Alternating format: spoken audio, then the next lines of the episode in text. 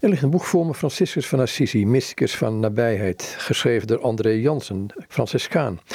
Het is uitgegeven bij uitgeverij in uh, Antwerpen alweer. Um, André je woont nu in, in een Franciscaans huis, misschien wel klooster in um, Antwerpen. Maar je hebt ooit in Sint-Truiden gewoond. Um, dat Sint-Truiden een vrij oude vestiging. Waar komt het vandaan, dat Sint-Truiden? Die naam? Ja, Sint-Truiden komt uiteraard van de abt Sint-Trudo. Ja, ik ken eigenlijk niet zo genoeg de geschiedenis, maar dat is dus een zeer oude abdij die hier gebouwd is geworden en waar rond zich een stad ontwikkeld heeft. Uh, de minderbroeders zijn hier gekomen wellicht al rond 12, 28, soms zegt men 26, vanuit het Duitse keizerrijk, dus hier vanuit Keulen. En hebben zich dus in de stad gevestigd. Het is in de stad een, zeg, een belangrijke historische plek voor ons minderbroeders. Een van de oudste, laten we zeggen, hier in Vlaanderen. Maar als ik dan goed begrijp, want Franciscus was vlak daarvoor gestorven, leeft eigenlijk nog in die tijd, twintig jaren van de, van, van de 13e eeuw. Um, het is een hele jonge missionaire beweging geweest, een zendingsbeweging. Inderdaad, het is een zeer jonge beweging geweest. Uh, ik zou zeggen, in 1221, eigenlijk al vroeger, maar dat is mislukt, 1217, is er al een uitzending geweest over, laten we zeggen, Europa. Eén is gelukt in Frankrijk, 1217, waren er al broeders bij uh. Het huis dat trouwens nog bestaat. Uh, nu hetzelfde. Uh, maar in Duitsland was dat mislukt, dat is verhaal. Maar in 1221 worden ze opnieuw uitgezonden, niet alleen naar uh, onze streken, ook naar Marokko, Tunesië en onder andere ook naar de kruistocht, de vijfde kruistocht. Dat is een heel belangrijk gegeven. Franciscus is dus aanwezig geweest bij de vijfde kruistocht. Het is wel ook een beweging, missionair, eigenlijk in zekere zin niet. Zeker niet om kerk te stichten, niet in die zin. Want natuurlijk overal hier waren kerken, parochies enzovoort, maar wel op een bepaalde manier de vrede van het evangelie te brengen, zo zeggen zij dat. Uh, dus laten we zeggen, dichter bij de, vooral de uitzendingsreden. Hè, speelt een grote rol het model van de eerste broeders. De uitzendingsreden. Ga onderweg, neem niets mee, geen stok, geen reiszak. Trouwens, een van de bekende uitdrukkingen was, ze kwamen op blote voeten. Hm? Waardoor de mensen als het ware verbaasd waren, want adel en priester die droegen schoenen, de gewone mensen niet. Dus dat was ook een symbool van een soort dicht bij de mensen staan. Hm? Ga ik naar Franciscus toe, want dan kom je bij de kern denk ik een beetje. Wie was hij en wat voor tijd leefde hij? Want dat is misschien wel goed om neer te zetten. Um, wat voor veranderingen waren er gaande in zijn tijd? Want dat is ook wel belangrijk om te weten. Er waren heel grote veranderingen gaande. Een van de grote veranderingen is de overgang van wat wij nu noemen feodaal systeem, feodale maatschappij, naar een maatschappij die mikt op gelijkheid.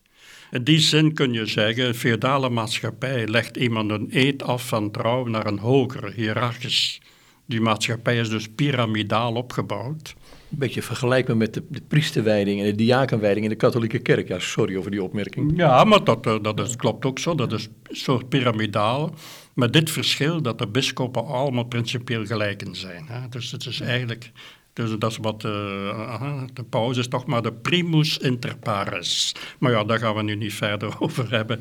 Maar het lijkt er wel wat op. Maar dan ontstaat de handel. En dat heeft waarschijnlijk te maken met de kruistochten. Het oosten kwam open voor de handel, zodat een nieuwe groep eigenlijk stilaan de macht wil overnemen binnen de steden. En dan krijgen vooral de handelaars een hele groep burgers die een eed van trouw doen aan elkaar, om elkaar als het ware te steunen in de opbouw van de samenleving. En dat heet in het Italiaans commune, in onze taal gemeente. Dus dat is ontstaan ten tijde van Franciscus.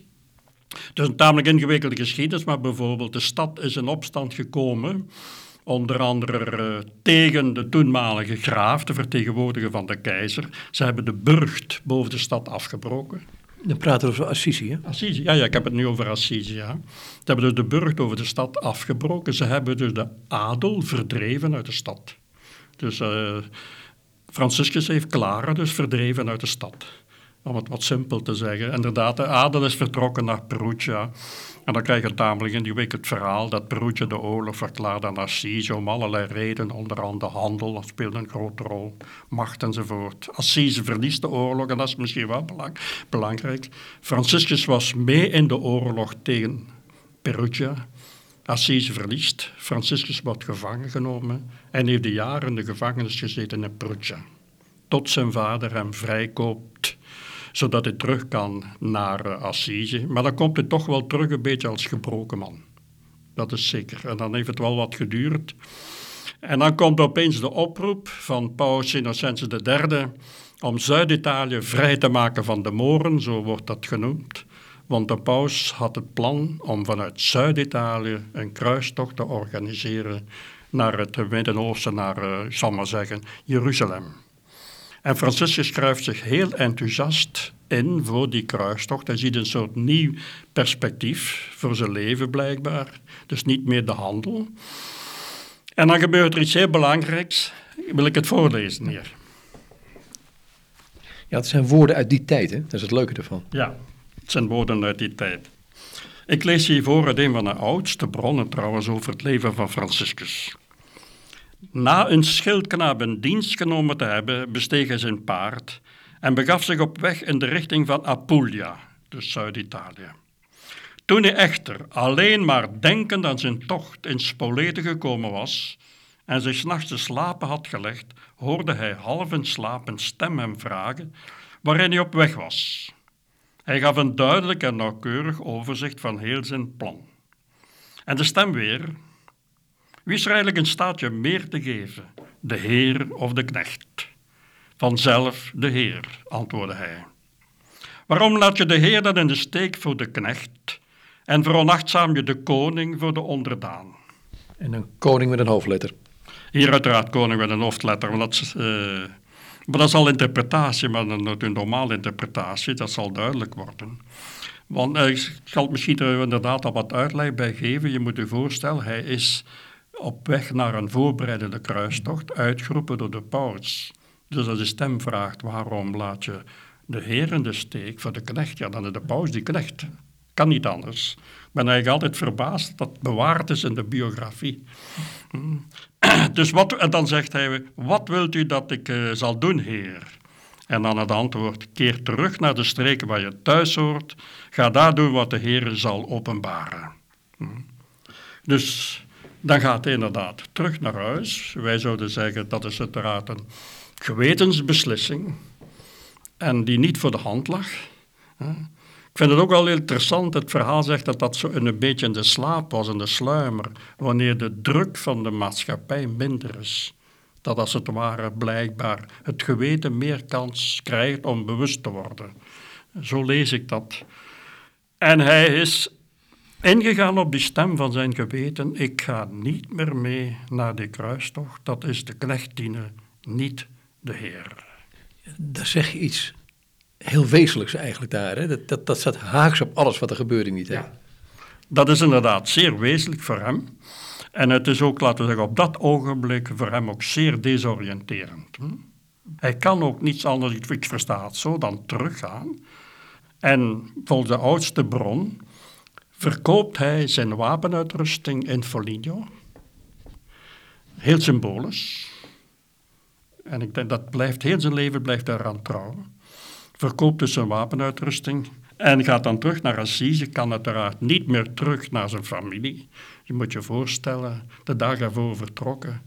Met, laten we zeggen, rijke wapenuitrusting, maar weet ik dat allemaal. En dan terugkomen na één dag. Dat kan ook gezien worden als je met een lafaard. Je, je durft de strijd niet aan, hè? Ja, dat kan goed zijn dat de stad dat zo interpreteert. Hè? Dat kan allemaal best zijn. Maar hij interpreteert in elk geval zo niet. En voor hem is het een gewetenskeuze. Tegen geweld. Overduidelijk. Waarschijnlijk heeft hij het niet kunnen uitleggen. En daarom heeft hij ook geworsteld in San Damiano, want dan is hij buiten de stad gaan wonen in Kerkje San Damiano en heeft daar geworsteld met die keuze. Hm? Er zijn een paar dingen die daar wel heel belangrijk in geweest zijn en die worsteling. Als ik, dat is eerst en vooral het kruisbeeld van San Damiano.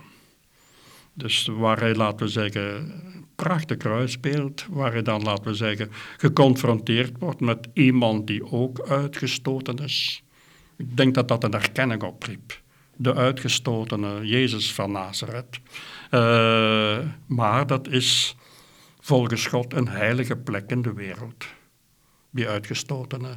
Dus daar worstelt hij mee. Dus dat is een soort perspectief dat je krijgt. Die Jezus van Nazareth, dat speelt de rest van het leven een rol. Ik heb dat niet zo uitdrukkelijk uh, ontwikkeld. er zou een andere, uh, tweede boek rust aan mogen worden toegevoegd. Maar, wel, dat is, dan ook wat ook een grote rol speelt, is het, daar kom ik ook op terug, en heel belangrijk. Dat heeft zelfs te maken met het kruisbeeld van San Damiano omdat in de profeet Jezaja staat in de Latijnse tekst uh, hij is voor ons een melaatse geworden. En Franciscus ziet van San Damiano de melaatse verblijven liggen. Er lagen er waarschijnlijk drie in de buurt. En daar blijft ook een worsteling en uiteindelijk kiest hij ook om naar de melaatse te gaan. En dat is in zijn ogen eigenlijk het meest doorslaggevende geweest. Als hij vertelt in zijn testament hoe het eigenlijk begonnen is. Hij zegt het uitdrukkelijk. Het is als volgt begonnen. Het was voor mij bitter mijn laatste te zien. Maar toen ik bij hen weg, ik ben, ja, de Heer heeft mij tussen hen gebracht, zo zegt hij uitdrukkelijk. En toen ik bij hen wegging, was wat ik bitter vond, veranderde in zoetheid naar ziel en lichaam. En ik denk, die zoetheid, dat dat iets suggereert van een zeer intense ervaring. Dus ik noem dat een mystieke ervaring, want ik ga er juist op in uh, dat in het testament een verwijzing gebeurt naar de parabel van de barmachtige Samaritaan. Hm. En uh, veel van die parabels, volgens mij, hebben een mystieke inslag, ook zelfs die parabel. Het gaat zelfs meer dan alleen maar, moet ik het zeggen, caritas noemen wij dat. Iemand helpen, uiteraard gaat het daar zeker over. Maar uh, het is ook het gebeuren zelf. Namelijk, Jezus vraagt op het einde, wie is naaste geworden? En dat is, laten we zeggen, de vraag naar een keuze. Kom jij nabij, ja dan nee? Hm. En dat is goed voorbereid in de parabel. Namelijk, de priester ging met een boog om hen heen. De leviet ging met een boog om hen heen. En van de Samaritaan wordt uitdrukkelijk gezegd, hij kwam of trad naderbij. In een bepaalde vertaling, hij trad naderbij. Dus Jezus onderstreept dat naderbij komen. Dat uh, suggereert ook voor mij de ondertitel van het boek Mysticus van nabijheid. Volgens mij is die ontdekken van de parabel en vooral de, de mystieke dimensie uh, zo een beetje, ik zal dat zeggen, de icoon van zijn leven.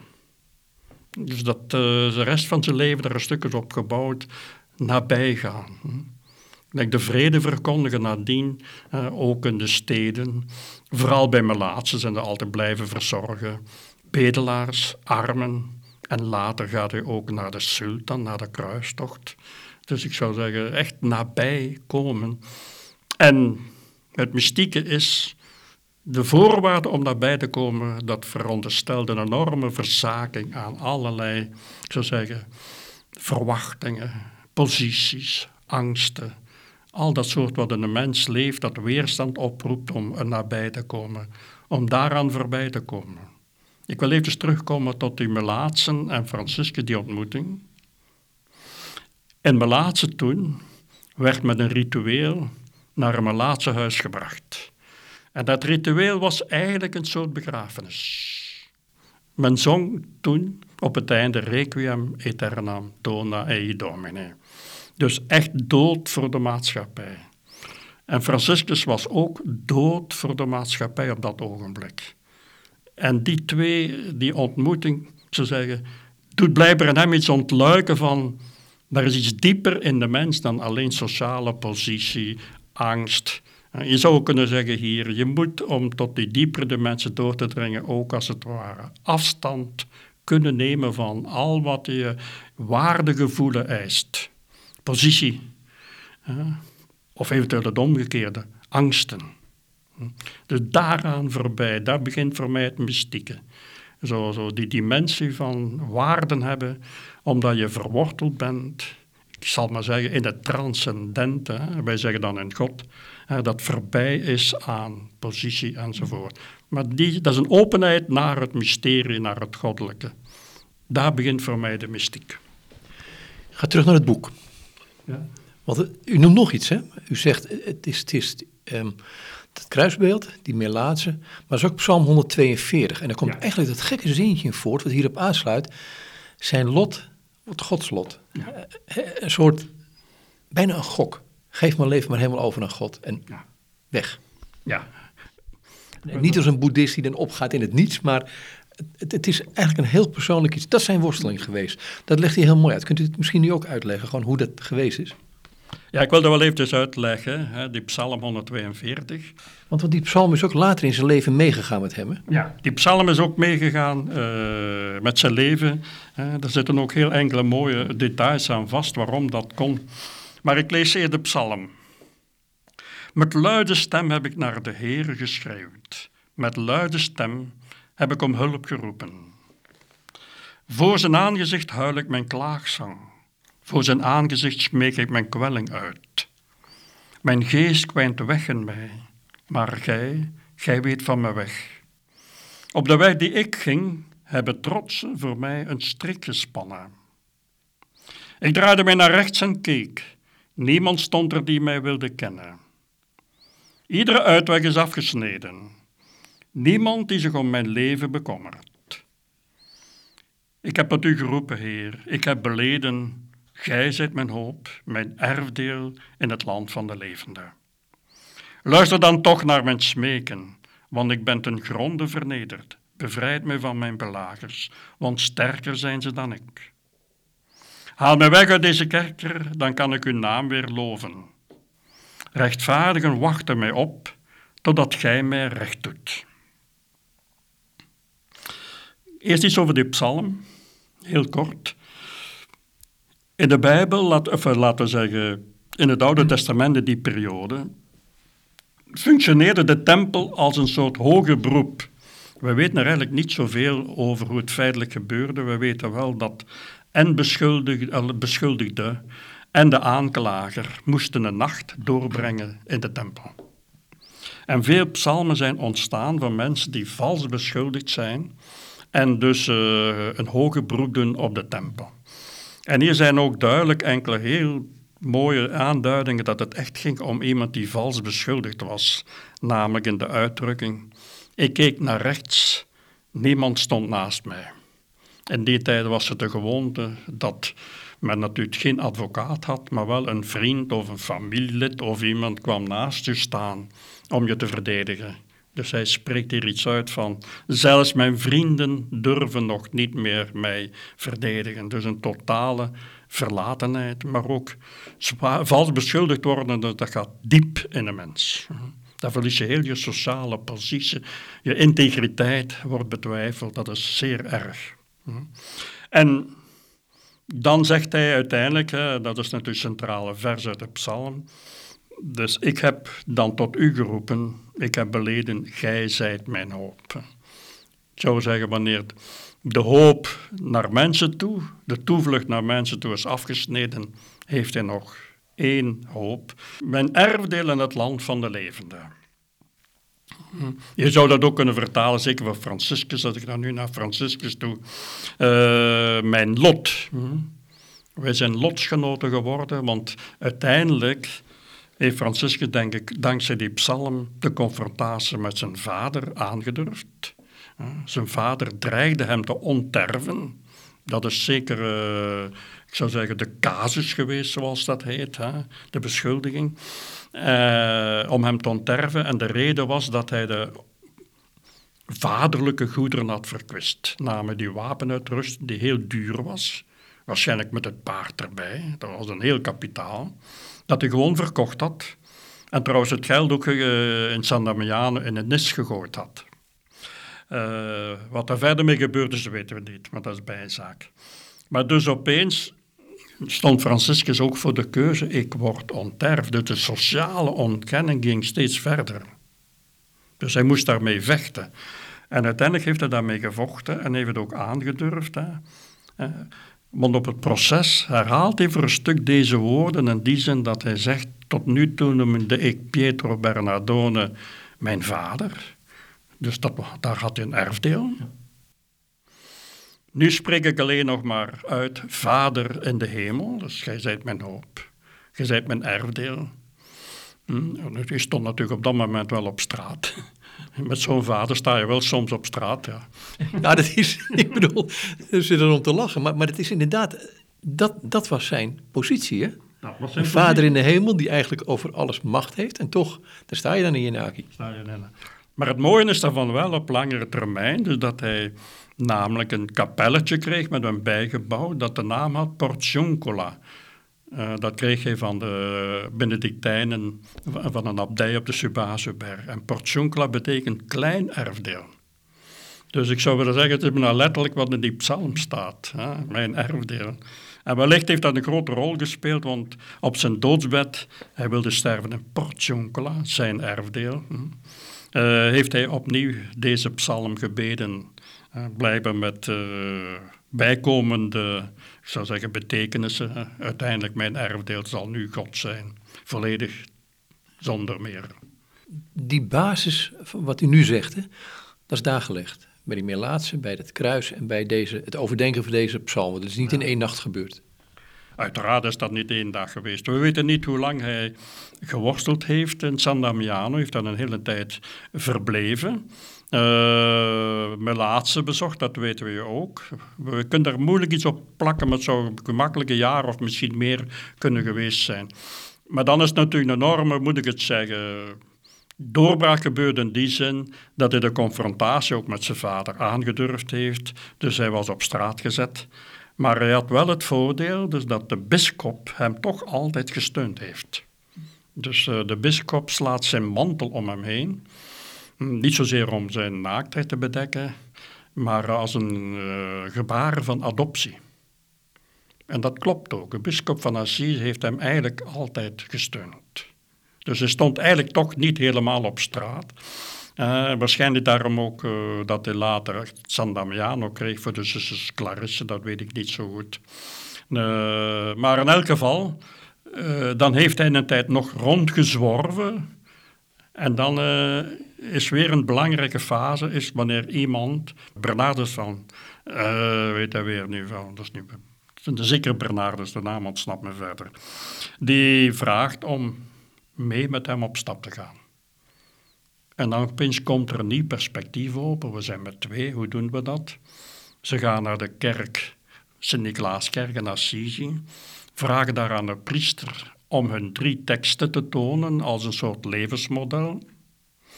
En de priester toont hun drie teksten, een heel gekende. Als je volmaakt wilt zijn, verkoop dan al wat je bezit, geef het aan de armen, kom en volg mij. Die Franciscus had niets, dus, uh, maar Bernardus was blijkbaar wel iemand die goed in de centen zat. En volgens het verhaal heeft hij effectief alles verkocht en op de markt uitgedeeld aan de armen. Sensatie in Assise, kun je voorstellen. Dat kun je voorstellen. Maar dan, uh, de, tweede tekst, neem je kruis op. Die neemt het, uh, ja, je mijn volgende wil zijn, neem alle dagen je kruis op, draag enzovoort. Die tekst, maar dan ook de uitzendingsreden. En die heeft toch wel echt een heel grote rol gespeeld in de verdere, ik zou zeggen, vormgeving van die broederschap. Namelijk aan twee en twee, ze deden dat letterlijk. Rondgaan, de vrede verkondigen. Uh, ze gingen echt naar de mensen. En dat was toen toch wel verrassend. Om u een voorbeeldje te geven. Als uh, Franciscus naar een bergdorp ging van herders, hè, namelijk een Poggio Bustone, dat waren mensen die ondergewaardeerd werden. Dat was de laagste sociale klasse. Dan begroette hij die mensen met de groet Buongiorno, buona gente. Goed volk. Dus hij ging daar echt naartoe. En het heeft toen zo'n indruk gemaakt dat tot nu toe, ieder jaar op het feest van Franciscus, iemand van het dorp, door het gemeentebestuur aangeduid, op iedere deur morgens gaat kloppen en zegt Buongiorno, buona gente als herinnering aan die ontmoeting. Zo mensen die naar hen toe komen, nabijheid. Zo, om terug te komen tot het woord nabijheid. Dat maar. Ik denk dat dat een heel grote rol speelt, nabijheid. Ze gingen ook in het begin uh, veel klusjes doen, bij de boeren zelfs. Uh, en zo kregen ze dan eten. Ze waren dus vaak dagloners. Maar het was ook enorm contact met de mensen van de boerderijen enzovoort, de laatste verblijven, om zo via nabijheid hun vredesboodschap te kunnen verkondigen. Ja, armoede staat heel vaak centraal, maar is, is de centraliteit, zou er niet meer de liefde moeten zijn? En ditgene wat u nu zegt, die vrede verkondigen en die liefde verkondigen, want zij hadden niets te geven, behalve het feit dat zij werkten voor hun brood, of, of uh, ja. Armoede staat bij hem heel centraal. Maar niet, laten we zeggen, zo als een vorm van ascese. Maar het ligt voor mijn gevoel ook in de lijn weer van de ontmoeting met de melaatse. Namelijk, je moet alles achter je laten aan positie. Eh, om echt te kunnen ontmoeten. En een van de belangrijkste hindernissen, dat zag is bezittingen. Hm. Als je bijvoorbeeld eigenaar bent, uh, dan kun je altijd zeggen, jij komt hier niet binnen, dan kun je selecteren. Trouwens, we hebben een tekst, oude tekst uit de regel dat hij zegt: de broeders mogen zich geen plaats toe-eigenen. Of iemand ontzeggen. En wie er ook naar hen toe komt, vriend of vijand, zelfs dief of rover of tegenstander, moet vriendelijk ontvangen worden. Dan zie je opeens, laten we zeggen, dat als je geen eigenaar bent, zo moet je doordenken, kun je niet selecteren. Is iedereen welkom. En ik denk dat dat voor hem een grote rol speelt. Ik zou zeggen binnen de context van nabij kunnen komen. Zodat je niemand kunt afstoten. Trouwens staat ook in de parabel van de barmhartige Samaritaan. De toeval speelt een grote rol. Hm. Toevallig kwam een priester langs, toevallig een leviet, toevallig een Samaritaan. Toevallig wil hier zeggen, jij selecteert niet. Als je liefde zuiver is, dan geldt ze iedereen wie ook toevallig op je weg komt. En dat gebeuren, heb ik de indruk, speelt bij hem uh, in zijn idee van armoede in het begin. Zo, zo, na het, het goederen, dat blijft altijd heel belangrijk, maar uiteraard ook positie.